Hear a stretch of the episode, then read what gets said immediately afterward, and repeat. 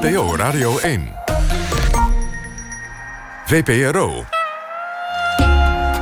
Nooit meer slapen.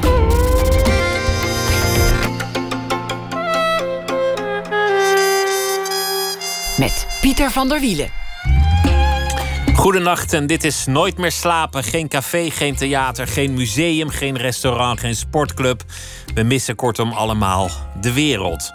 Musea over de hele wereld, allemaal gesloten in alle hoeken van deze planeet, doen hun best om hun collecties online te presenteren.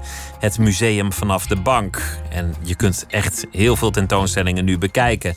Tegenover mij zit Rijn Wolfs. Hij is eh, net aangetreden als directeur van het Stedelijk Museum in Amsterdam. Is een man met precies de bril die je zou verwachten bij iemand van het Stedelijk Museum. En ik zag hem lopen op Instagram door de vaste collectie van dat uh, museum, door de kelders. Het uh, was een, een, prachtige rondleiding, los, geïmproviseerd. Een beetje houtje touwtje. En het opvallende was, het ging echt over de kunst, over de kunstenaars, over de werken. En niet over de museumdirecteur. Dat verklaart een hoop. Het is namelijk een man, zo zeggen de artikelen, die geen ego heeft. Althans, niet zo heel veel voor een museumdirecteur. Ook de videokunstenaar Noem Jun Peek is daar eh, te zien. Het is een tentoonstelling die in première zou gegaan drie weken geleden. Maar die moeten we nu vanuit huis bekijken. Rijn Wolfs is geboren in 1960, groeide op in Noord-Holland. Hij is kunsthistoricus en hij heeft een mooie carrière al voor hij directeur werd van Stedelijk. Want hij was bijvoorbeeld hiervoor directeur van de Bundeskunsthalle in Bonn. Rijn, hartelijk welkom. Wat leuk dat je er bent. Ja, dank je. Het, er was nog meer droevig nieuws uh, deze week. Namelijk uh, hier vlakbij in het Gooi, bij het Singermuseum in Laren, is een Van Gogh gestolen. Dat zou normaal veel groter nieuws zijn, maar dat sneeuwt nu bijna onder in, uh, in die stroom van coronaberichten.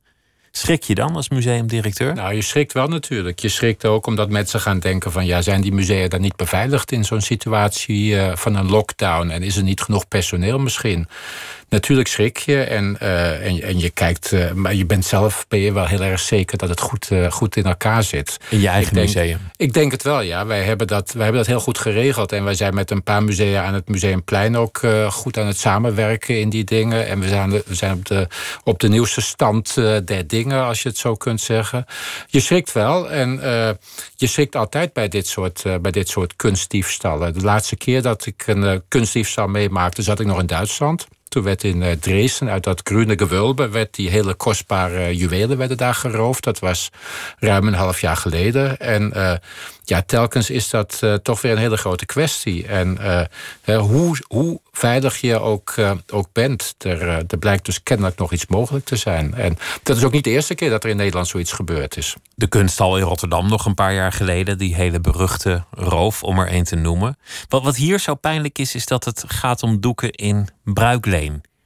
Ja. Van, van een ander museum. Dat, dat is de wereld achter de tentoonstelling. Van, van al die doeken die onderling worden uitgeleend en, en getransporteerd. Hoe los je dat dan op eigenlijk? Ja, hoe los je dat op? Daar zit natuurlijk ook nog een verzekering tussen op de een of andere manier. Het is een, uh, het is een werk van het Groningen Museum. En uh, die zijn op zoek naar het werk. Uh, als je Twitter kijkt en je kijkt Groningen Museum, dan, dan posten ze dat, die afbeelding van dat werk in de zin van. nou, kijk goed uit je ogen als je dat werk tegenkomt. Dat kom je natuurlijk niet tegen de eerstkomende tijd. We weten niet wat er met zo'n werk kan gaan gebeuren. Je vraagt je ook af wat iemand met een Van Gogh kan gaan doen eigenlijk.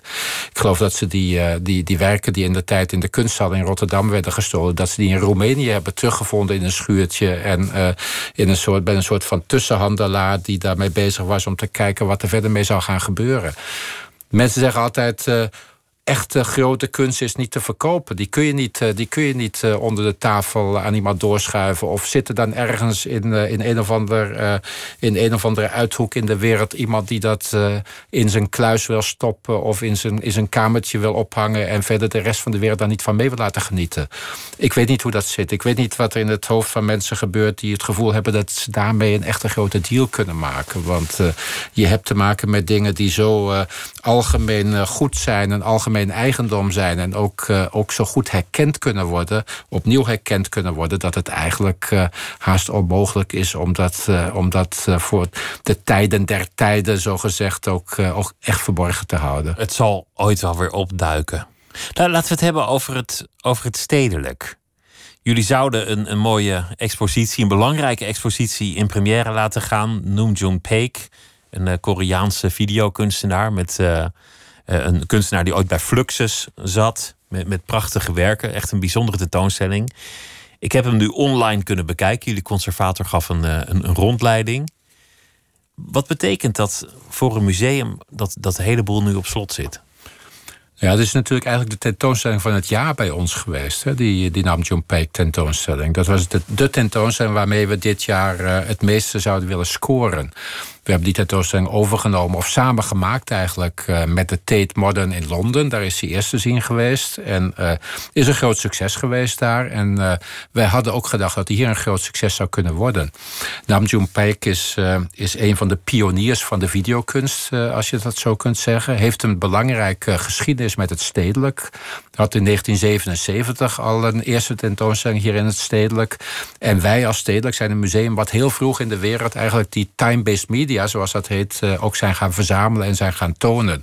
Wij zijn een museum wat heel erg gespecialiseerd is op dat soort kunst. Op videokunst, op performancekunst, op bewegende kunst, op kunst die, uh, ja, laten we zeggen, mediaal gezien anders in elkaar zit. Zijn bekendste werk is een, een, een Boeddha met een camera erop die kijkt naar de televisie waarop de Boeddha zelf te zien is.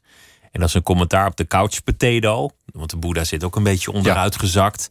En tegelijk is het ook een, een, een, commentaar op de televisiecultuur waar veel van zijn werk over gaat.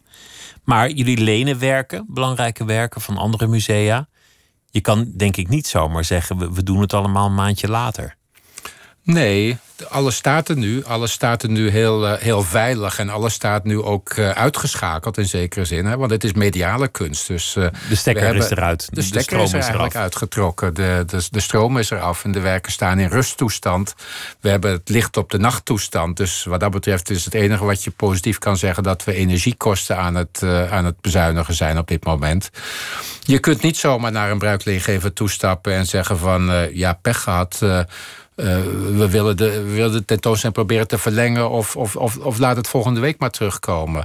Nee, daar, daar gaan veel afspraken aan vooraf. En dat zijn, uh, dat zijn lastige werken om te krijgen vaak. zijn lastige bruiklenen. Zijn ook dure bruiklenen om te krijgen. En daar, zit, uh, daar zitten heel veel logistiek, verzekeringstechnische en allerlei andere ook, ook zakelijke aspecten aan. En daar kun je niet zomaar overheen stappen. Dus we zijn nu bezig om te kijken of we de tentoonstelling misschien een stukje naar het einde toe kunnen verlengen of we er een paar weken aan vast kunnen plakken. Dat zou mogelijk moeten zijn, omdat het volgende station van de tournee is Chicago. En uh, daar zou de tentoonstelling pas in, in november kunnen beginnen. Dus uh, het ziet er naar uit dat er mogelijkheden bestaan. Maar we moeten van bruikleengever naar bruikleengever stappen. En kijken of dat inderdaad ook mogelijk is en of het ook gewenst is. Het is een enorm verlies, neem ik aan. Het is een enorm het verlies. Het is ook een verlies voor alle caféhouders, voor de restauranthouders, voor de, voor de pretparken, voor, voor iedereen. Dus we, we sluiten aan in de lange, lange klaagzang. Maar wat betekent dit niet alleen voor het stedelijk, maar voor de hele museale wereld?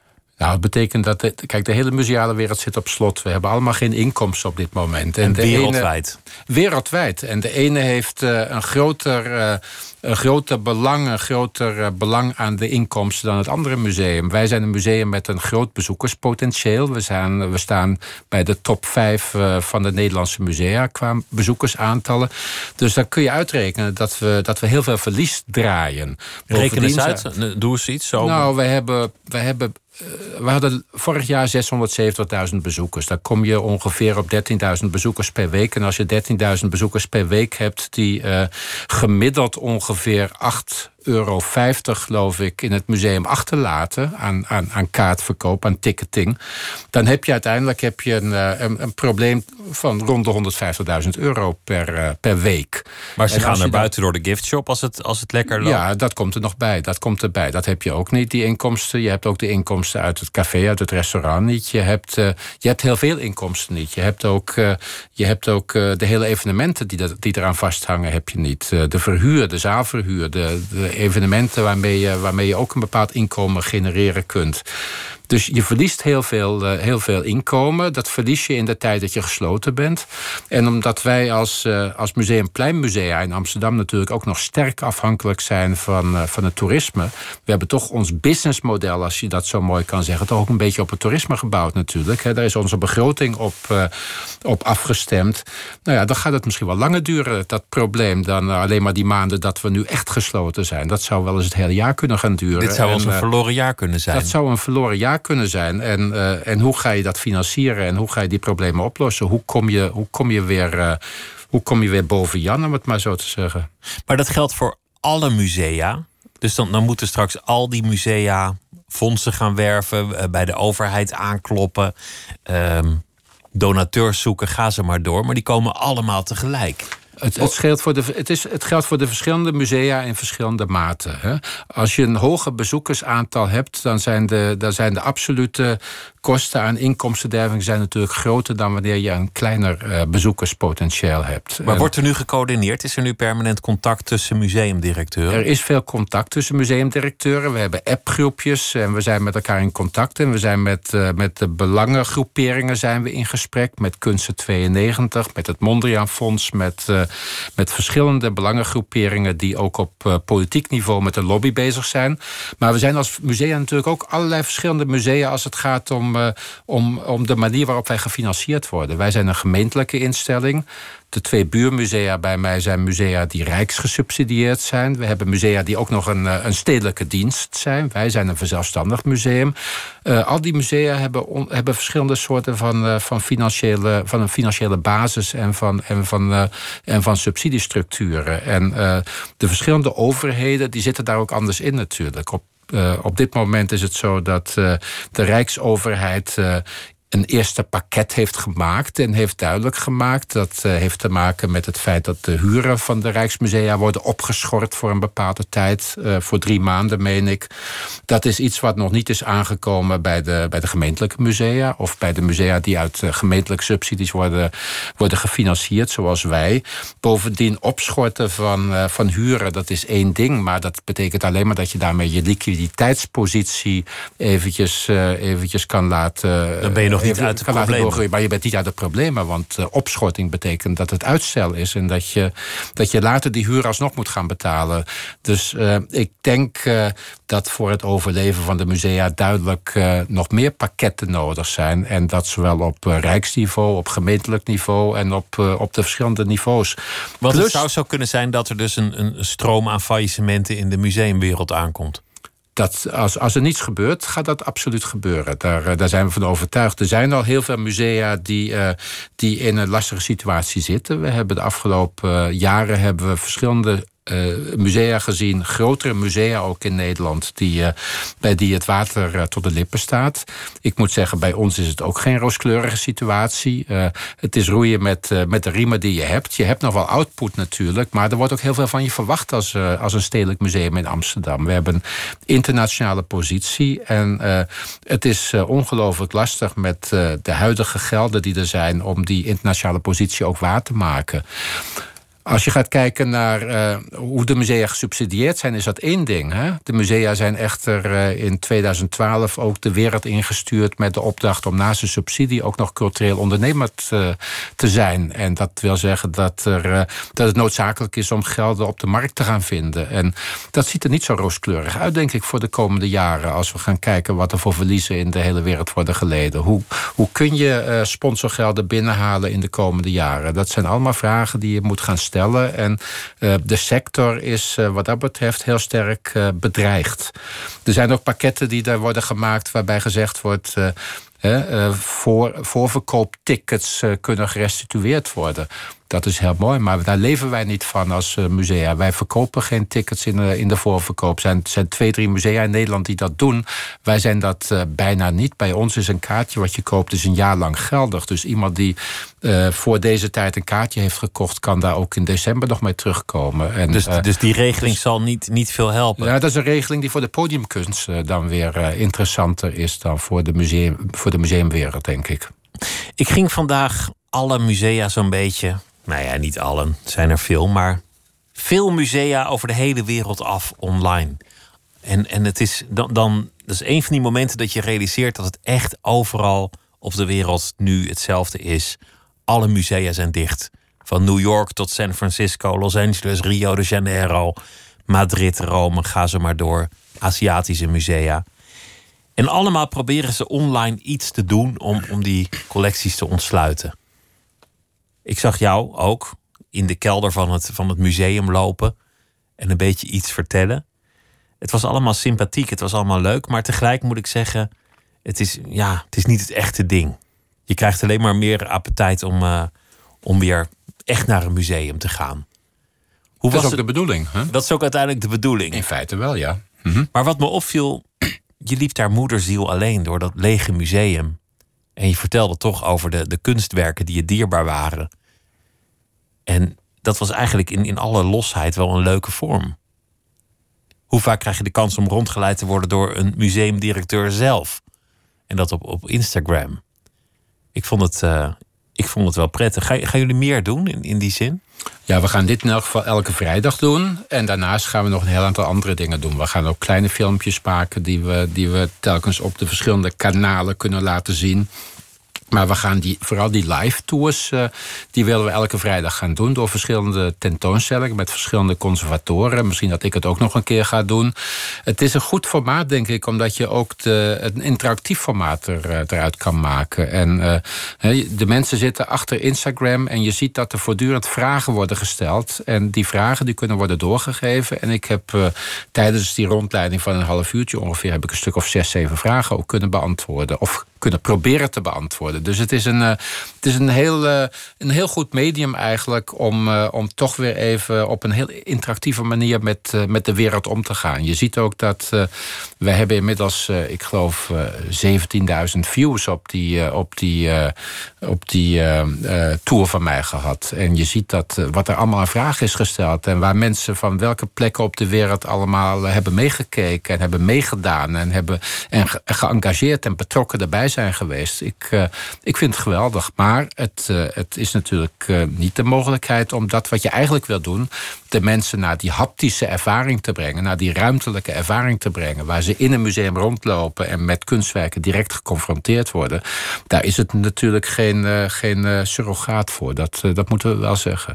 Maar het is wel een manier om, om de mensen betrokken te houden bij het museum en om die betrokkenheid op een heel andere manier nog eens, nog eens te versterken, denk Voor ik. veel mensen die thuis zitten is het denk ik een, een leuke manier om toch kunst te ervaren. Het, uh, het Rijksmuseum heeft een prachtige rondleiding. Dat is een soort uh, Google Street View met uitleg bij heel veel doeken. Je kunt naar de National Gallery in, in Washington gaan. Tate heeft ook een, een, een, mooie expositie online. Het is, het is mooi entertainment voor wie het zoekt. Laten we het hebben over het stedelijk. Want het is nog niet zo lang geleden dat je, dat je aantrad. Na een rumoerige periode met twee directeuren die elkaar kort na elkaar opvolgden. En nog een soort tussendirecteur.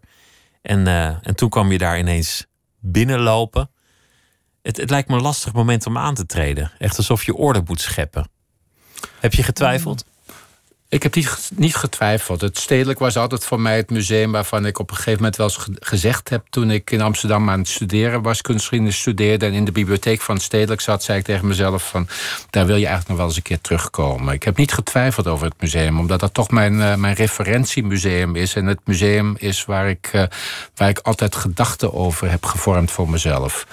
Um, het was het museum waar je als student al, al studeerde in de, in de bibliotheek? Het was het museum waar ik studeerde eigenlijk en waar ik mee ben opgegroeid. En uh, waar ik ook als, uh, als jeugdige, als kind met mijn ouders uh, één keer per jaar mee naartoe werd genomen. En wat dat betreft was daar geen twijfel. Ik ben lang weg geweest uit Nederland, ben lang weg geweest uit Amsterdam. En voor mij was dit een mogelijkheid om, ja, om, om eindelijk toch een keer in dit museum te stappen. En mijn handen jeukten eigenlijk om dat te doen op dat moment. En dan kan je zeggen, wat, uh, wat, wat is dat een lastige situatie waar je ingestapt bent?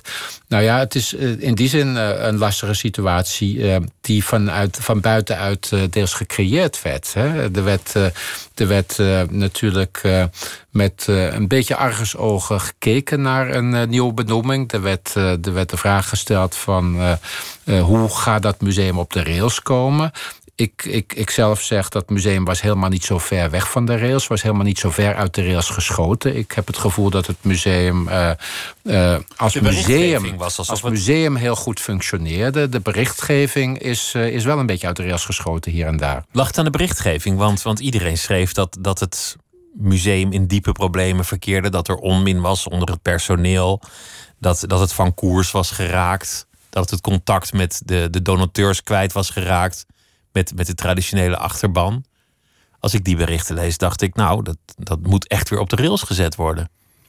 Het, het, ik denk dat het deels alweer op de rails gezet was, als het, als het al uit de rails was geschoten. En uh, uh, kijk, een, een stedelijk is een sterk merk. Hè, om het maar even op een, op, een, op een commerciële manier te zeggen. En het Stedelijk is een, is een museum waar mensen, waar mensen van houden en waar mensen ook van blijven houden op een bepaalde manier. En het Stedelijk is ook een museum waar iets moet gebeuren. Het is een spraakmakend museum, dat is het geweest en zo, dat zal het blijven. En het is spraakmakend geweest in de laatste jaren en het moet spraakmakend worden en het moet spraakmakend blijven. En ik vind uh, wat dat betreft uh, wil ik het een beetje relativeren als we het hebben over uh, de problemen die er in het stedelijk zijn geweest. Natuurlijk is niet alles koek en ei geweest. En natuurlijk zijn er ook financiële problemen geweest in het stedelijk. En zijn er nog steeds. Want we zijn een museum wat voor de output die van het museum verwacht wordt, niet helemaal toegerust zijn om dat ook daadwerkelijk te kunnen doen. Dat zijn allemaal lastige dingen. Daar zijn we ook niet de enige in, in, in, in de museumwereld. En we zijn wat dat betreft geen, uh, geen, geen hele grote uitzondering. Wij zijn het stedelijk en uh, bij het stedelijk hoort dat er ook een bepaalde reuring is. En die reuring die, uh, die moet natuurlijk eigenlijk positief zijn en die is soms een beetje negatief. Maar ik heb daar heel veel vertrouwen in dat, je, dat de manier waarop mensen vanuit buiten telkens weer met het museum bezig zijn geweest. En de manier waarop mensen over dit museum spreken als over een museum. Dat, uh, dat, moet, dat moet weer op de rails gezet worden en daar moet, uh, daar, daar moet aan gewerkt worden. Nou, dat zie ik is, in eerste instantie zie ik dat ook maar positief. Want dan, uh, dan weet je dat mensen er, er, ermee, ja, laten we zeggen, ermee begaan zijn. En dat mensen het gevoel hebben dat, het, dat, het, dat, dat er iets kan gebeuren ook Als in dat mensen stedelijk. zich verontwaardigen over het museum, is dat een teken dat het hun museum is als, het dierbaar is. Sommige verontwaardiging is heel erg goed. En, en dat is ook een teken dat het dierbaar is. En uh, ik heb dat bij heel veel mensen gemerkt. En ik heb, dat heel, ik heb heel veel gesprekken gevoerd de laatste tijd met, met mensen. Met, uh, of dat nou met mensen is die heel direct bij het museum betrokken zijn. Of dat met bezoekers is. Of dat met uh, mensen uit de stad is. Of dat met mensen van buiten de stad is. met heel veel mensen gesproken. Met mensen intern, met mensen extern. En, en je merkt die betrokkenheid bij het museum heel sterk. En je merkt die wens dat dat het museum als museum een spraakmakend museum is wat functioneert. Het museum is in de laatste jaren heel erg veranderd. Laten we het hebben over de ervaring van een bezoeker die naar, die naar het, het stedelijk gaat. Allereerst is er die verbouwing geweest. De, wat, wat oneerbiedig de badkuip wordt genoemd. Die verbouwing was nodig. De, het, het, was, het was op een gegeven moment zelfs zo dat de brandweer zei: het is niet meer verantwoord om in dit pand mensen te ontvangen. Dus er moest iets gebeuren. Dat was uh, rond 2003 dat dat werd gezegd. Maar als je nu binnenkomt in, in, die, in die hoe, hoe vind jij die ervaring? Vergeleken met het stedelijk dat jij van vroeger kende? Nou, is een ander stedelijk geworden natuurlijk. Ik, uh, ik mag die badkuip heel erg. Ik vind hem architectonisch vind ik hem sterk, maar het is een ander stedelijk geworden. Uh, je komt niet meer binnen via de bakstenen gevel van het stedelijk. Je zit, uh, je zit aan de achterkant, je zit, of ja, tegenwoordig is dat aan de voorkant. je komt natuurlijk niet meer binnen en je hebt gelijk die hele hoge trap voor je dat is misschien ook wel een goed teken in deze tijd. Want uh, vroeger uh, was het idee natuurlijk dat je met die trap een soort van geestelijke verheffing zou kunnen komen. Uh, dat soort ideeën moeten we vandaag de dag helemaal niet meer hebben. Daar moet je, moet je anders mee omgaan. Dus het stedelijk is wat dat betreft misschien ook wel een beetje democratischer geworden. En dat vind ik een goed teken. Ehm, maar ja, natuurlijk blijf je ook een bepaald uh, gevoel overhouden aan hoe het, uh, hoe het stedelijk vroeger als, uh, als, als oudbouw in elkaar zat. Het was, en, het was Agenebbes, maar intiemer. Als je er vroeger binnenkwam. Ja, je kwam een beetje zijn... door een zijdeur en dan langs dat loketje. Maar, maar dat had ook een soort geborgenheid. Misschien is het nu killer en anoniemer. Ja, er zijn mensen die zeggen dat. Uh, die, die, die, die missen de clubhuisatmosfeer die het uh, stedelijk van vroeger had. En nou, dan kan je zeggen, clubhuisatmosfeer. Dat, ik kan me wel iets bij voorstellen wat mensen dan bedoelen.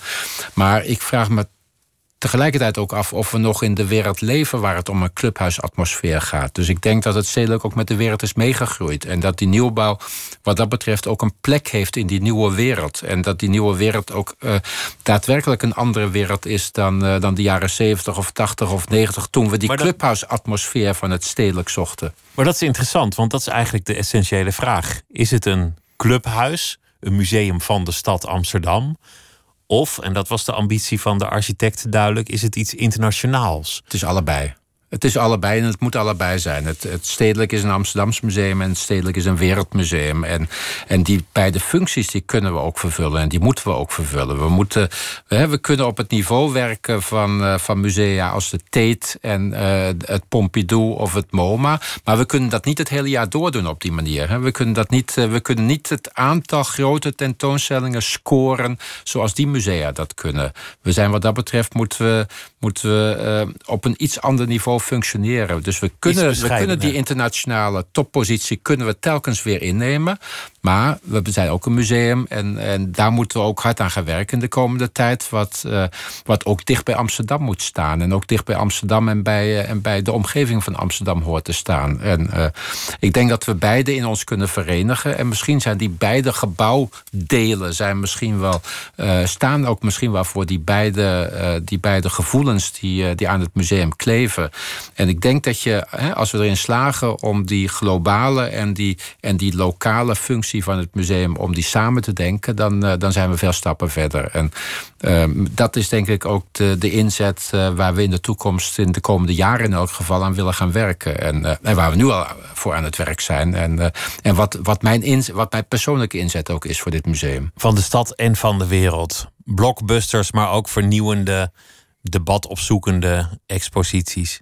Nou, laten we het hebben over de, de vaste collectie de Base. Dat was een, een groot prestigieus project van je voorgangers. Om, om in een bijna interactieve opstelling de, de vaste collectie tentoon te stellen. Met schuine wanden. Dat je als het ware kan browsen, zeppen door alle stijlen en dingen.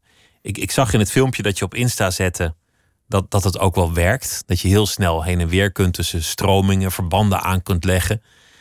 Maar, maar tegelijk is, is er ook een soort gebrek aan rust ingeslopen. Dat is iets wat je vaak terug hoort, dat het niet meer de, de rust en bezinning heeft die mensen ook in een museum zoeken. Hoe, kijk je daar tegenaan? Nou, ik zie inderdaad die, eh, die browsende functie die het heeft, die zeppende functie die het heeft, als een hele, als een hele contemporaine functie. En als een functie die, eh, die ook een, eh, een meerwaarde creëert ten aanzien van wat we altijd gewend zijn geweest. En ik denk dat dat, ik denk dat, dat hedendaags is en dat, we daar, dat daar goede elementen in zitten. Maar voor mij ontbreekt ook zo nu en dan de, de mogelijkheid om uh, geconcentreerd naar iets te kijken. En ontbreekt ook de auratische werking van de kunst. Die verliest het hier en daar van, het, uh, van het, de browsende werking. De kunst. Huh? Dat je, het aura bedoel Het aura van de kunst. En uh, dat, dat klinkt misschien een beetje ouderwets, maar daar wil ik toch wel graag hier en daar aan vasthouden. Omdat ik denk dat het belangrijk is om dit soort werken die een, die een historisch aura hebben gekregen. En die, een, en die ook een, een, een contemplatieve werking uh, zoeken dat we ook die contemplatieve werking, dat we die, dat we die, uh, dat we die mogelijk maken in het museum. Dus ik zou hier en daar wel iets meer ruimte willen zien tussen de werken. En uh, ik zou hier en daar ook wel weer werken uit de vaste collectie op de bovenverdieping in de oudbouw willen zien. En daar zullen we ook wel weer in de toekomst deels werken uit de collectie gaan zien.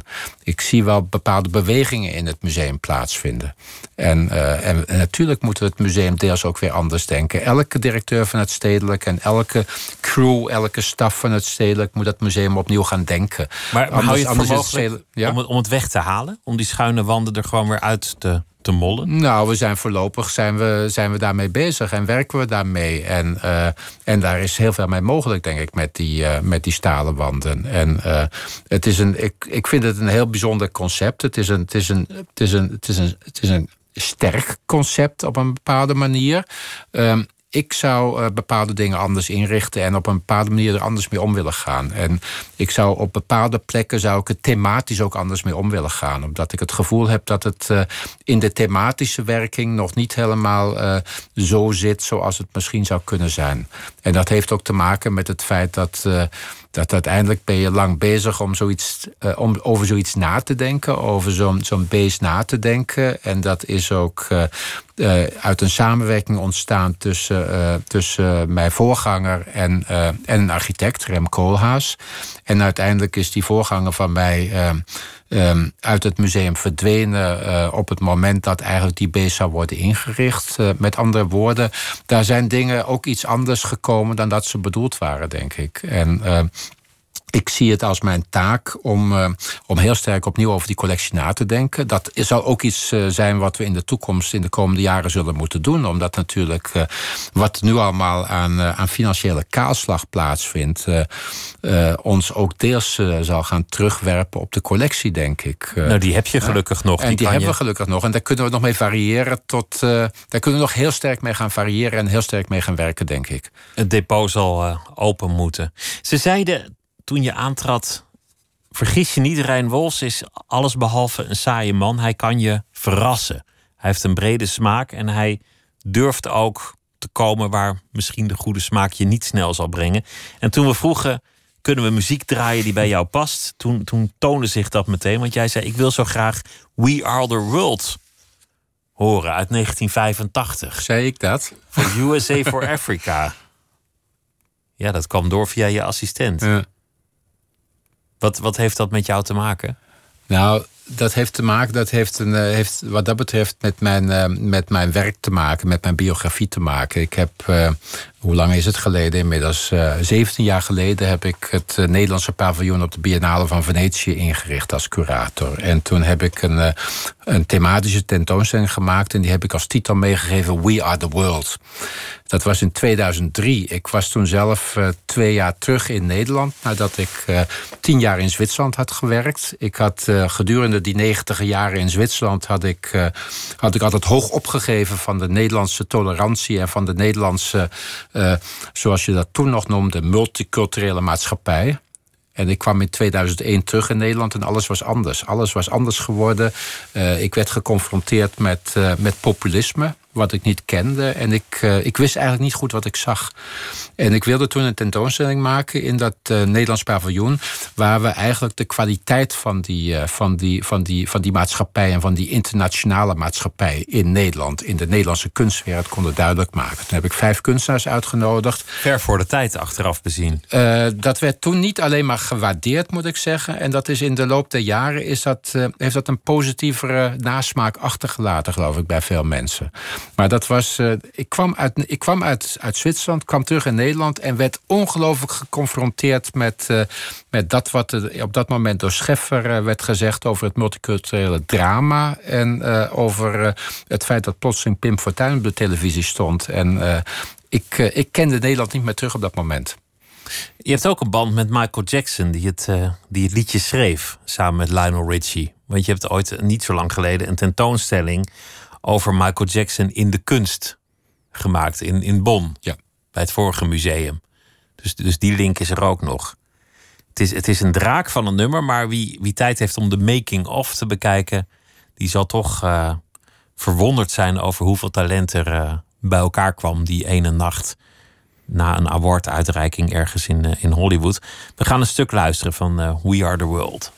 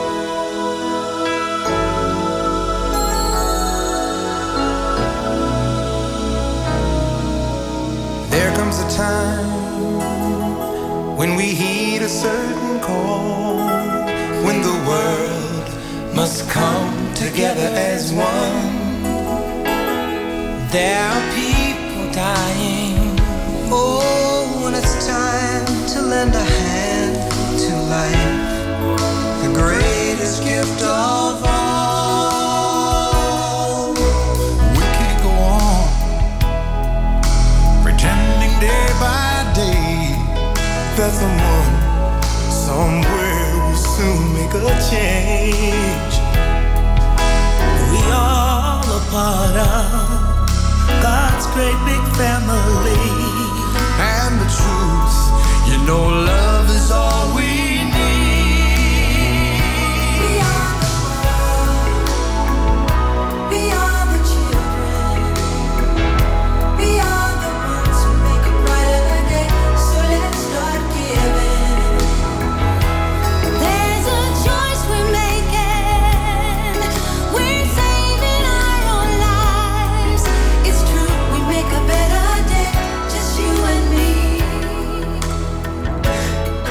Beetje een draak van een liedje, We Are the World. Maar Diana Ross is toch altijd gewoon Diana Ross. Rijn Wolf zit hier, directeur van Stedelijk. En hij eh, had ooit dit als titel verleend aan een eh, expositie op de Biennale. En maakte ook eh, vrij kort voordat de documentaire Leaving Neverland werd uitgezonden. Een expositie in Bonn, waarin allerlei kunstenaars die beïnvloed waren door Michael Jackson werden geëxposeerd. Een succesvolle tentoonstelling, maar ook een spraakmakende tentoonstelling eh, daardoor. Ik verheug me trouwens ook niet op alle, alle We Are the World-achtige liedjes die het coronavirus gaat opleveren. Want ik voorspel dat dat ook een, eh, een golf van, eh, van, van draken wordt. Er zijn toch veel BN'ers mee bezig op dit moment, had ik begrepen. Of, Ja. of is dat al uitgekomen? Ik heb nog niet gehoord, gelukkig. Ja, het maar soort, het dreigt wel iets aan te komen. Een storm aan goede bedoelingen. Ja, ja. Nou, dat was dit liedje ook. Dit is een beetje de moeder van die, eh, van die storm aan goede bedoelingen liedjes, geloof ik. Eh, Of een van de moeders. Dat is eigenlijk allemaal een beetje door Bob Geldof eh, daarvoor in, in de wereld gezet. Toen hij op een gegeven moment zo'n groot festival organiseerde.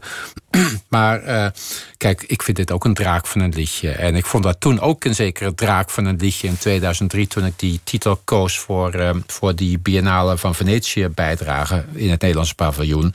Maar het was, het was die titel die, die noodzakelijk was om op dat moment te laten zien.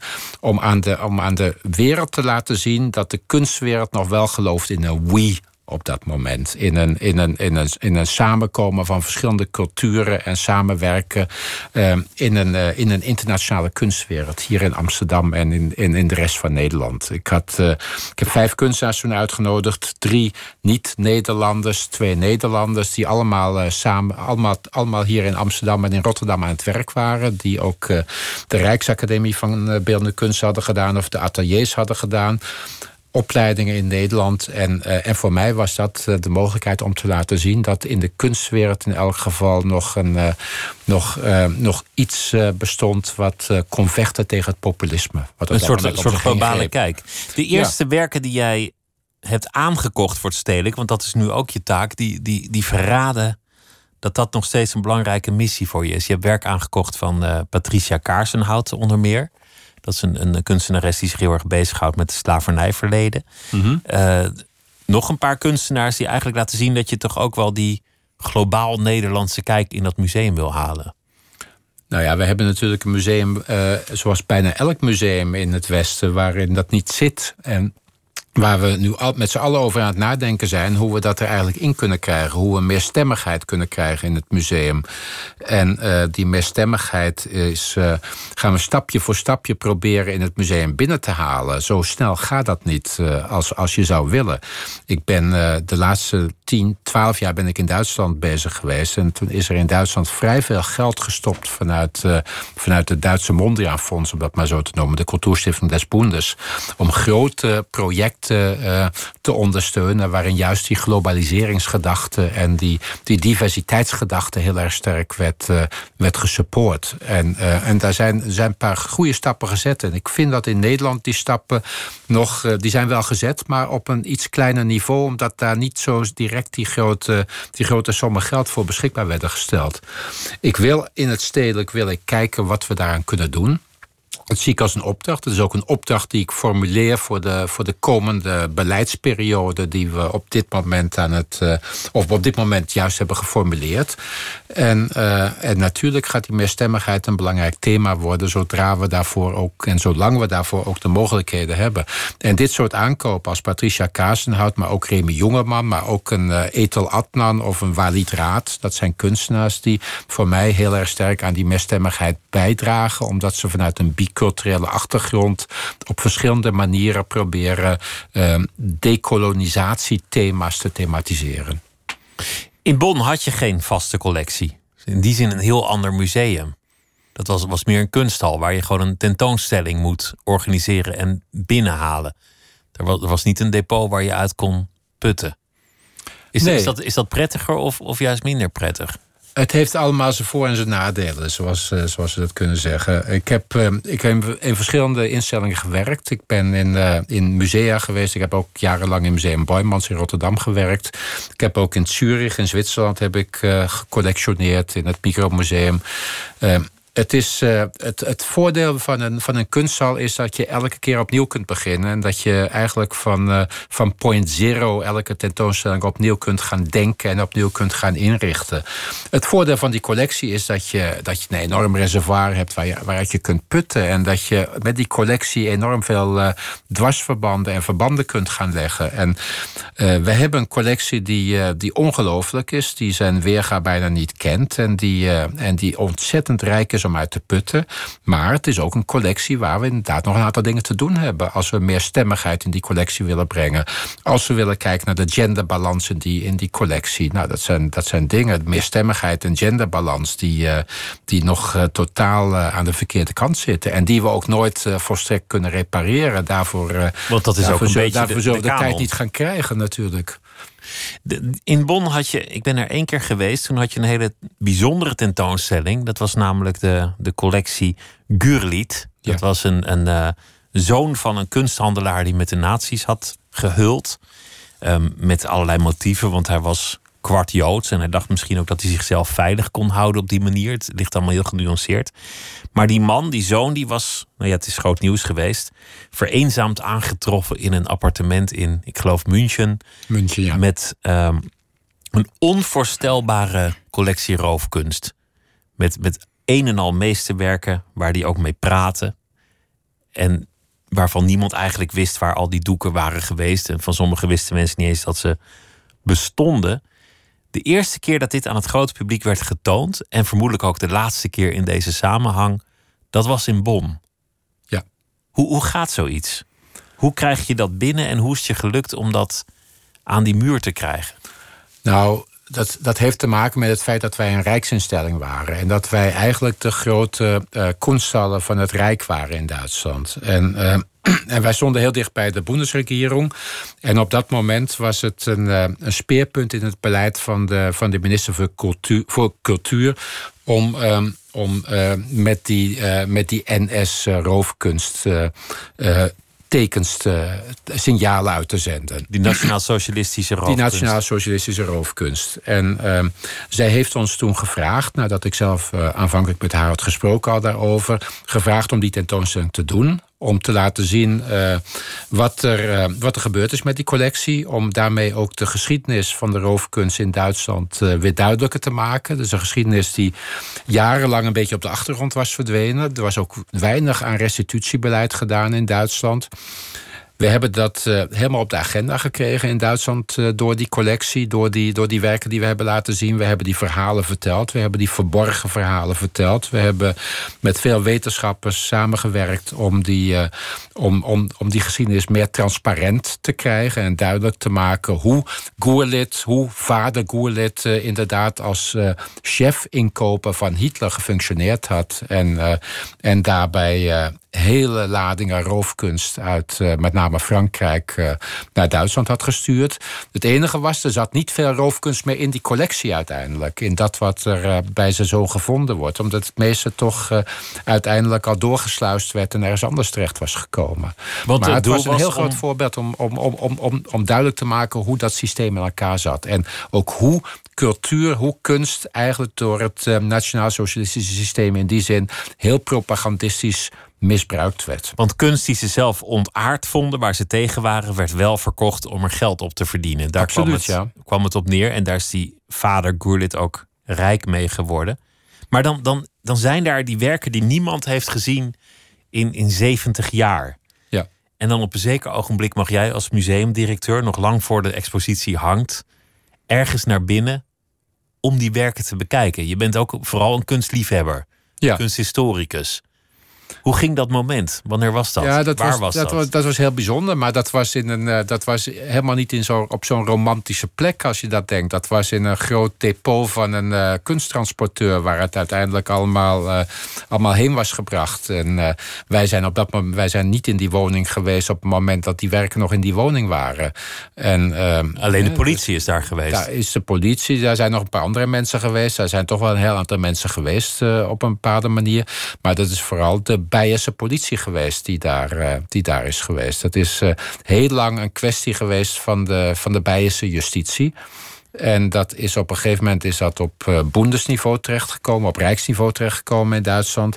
En toen zijn wij er vanuit de Duitse politiek eh, uiteindelijk mee in de weer gegaan. En hebben we die, hebben die tentoonstelling kunnen maken. Was een heel groot succes. En was een, eh, was een heel belangrijk moment, denk ik, ook in.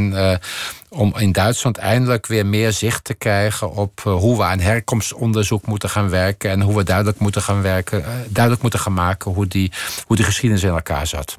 Die Bundeskunsthal viel me op, was open van 7 uur 's ochtends tot 9 uur 's avonds. Nee, nee, nee, niet van 7 uur, van 10 uur. 10 uur, 's- maar wel tot 9 uur Tot 's avonds. 9 uur s'avonds, ja. ja. Dat, dat zou nou eens een idee zijn voor het stedelijk. Om gewoon, om gewoon die. Is duur, hè? Kost dat geld? Nou ja, elk uur langer open zijn s'avonds kost geld, ja. ja. Ehm, wij, zijn wij zijn vrijdagavond tot tien uur open. Dus we hebben, eh, avond, we hebben een avondopening. Je zou het meer willen hebben, maar dat kost geld. Dat, eh, daar moet je wel rekening mee houden. Laten we het hebben over de romantiek. Want je, je zei het was niet zo romantisch toen we die Gurlit-werken te zien kregen. Je bent natuurlijk onder, onder al dat directeurschap ook gewoon een romanticus, een kunstliefhebber. Op welke momenten is dat er nog?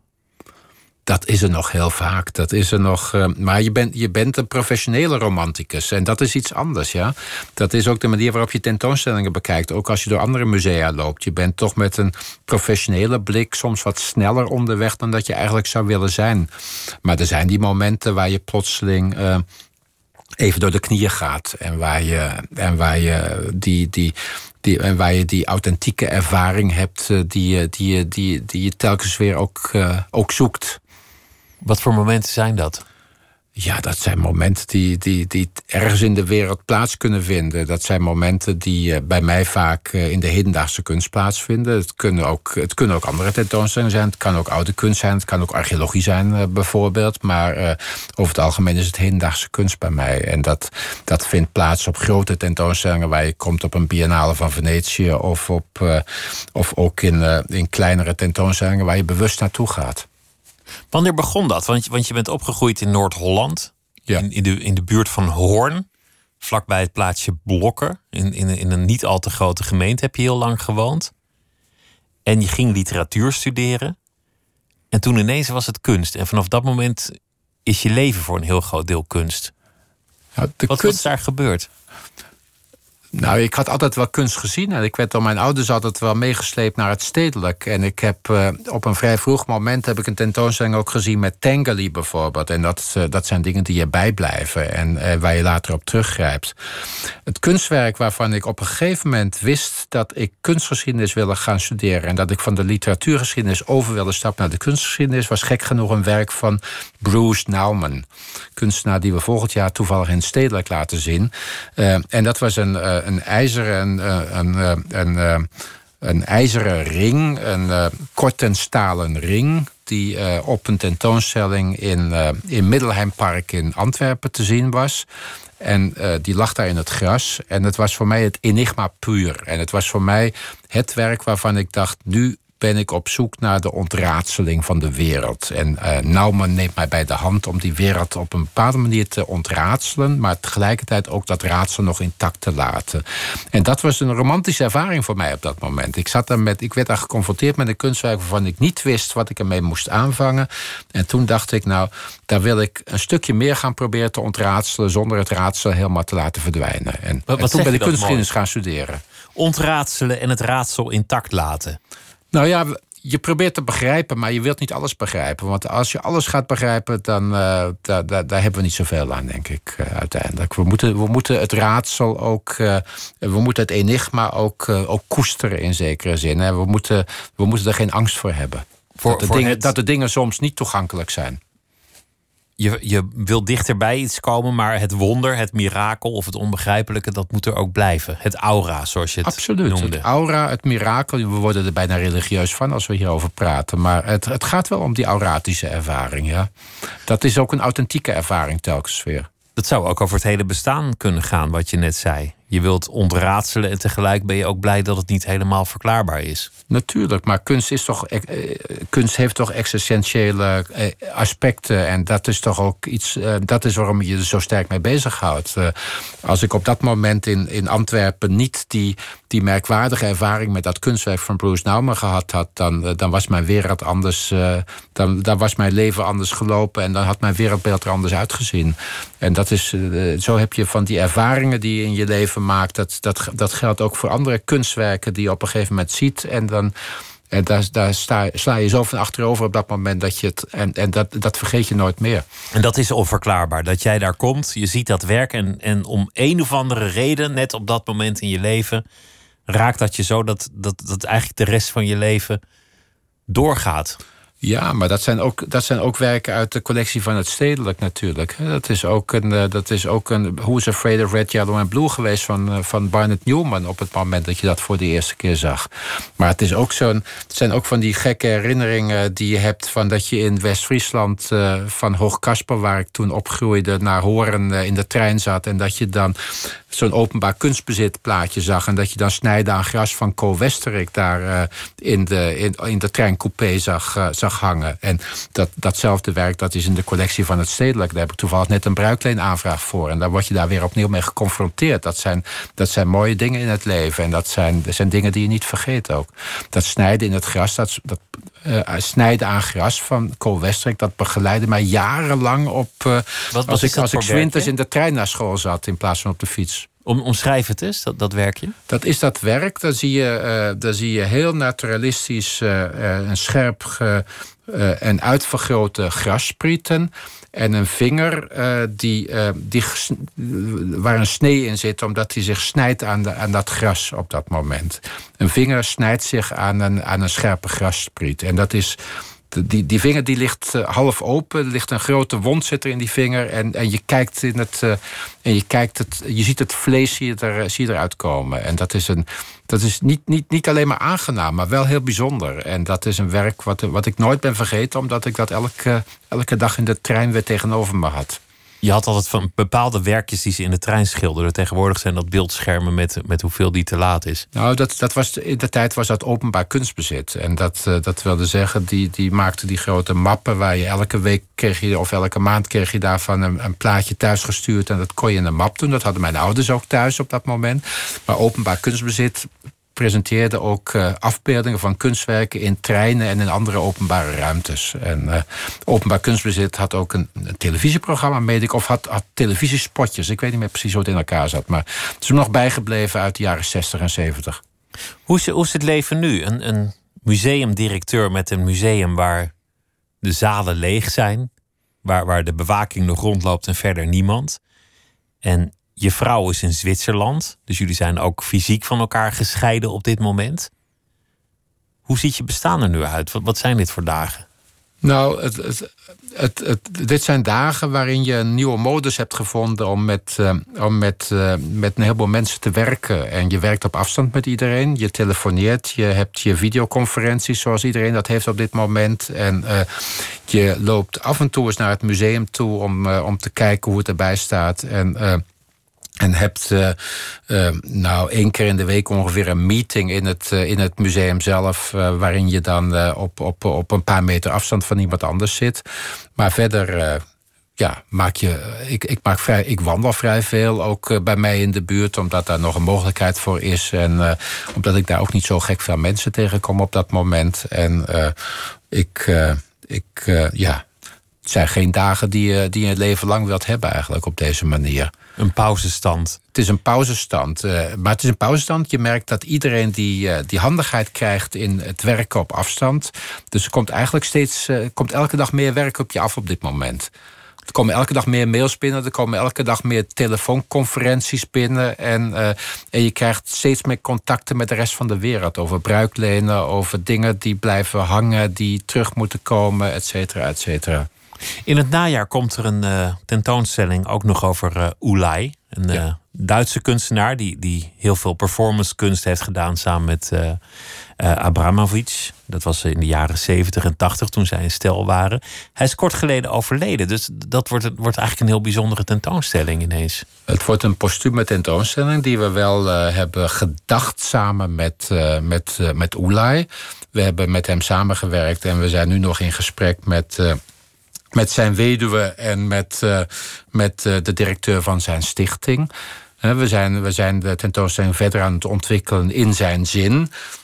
En ik ben heel blij dat we die dit jaar nog kunnen, kunnen laten zien. Dat, eh, dat zal opengaan op 21 november. Is nog net in dit jaar. En het was al lang een wens van mij om Oelai ook een keer zonder Abramovic te laten zien. Ook omdat Oelai een ongelooflijke betekenis heeft gehad binnen de kunstwereld van Amsterdam. Van de, jaren, van de late jaren 60 tot eigenlijk eh, kort geleden.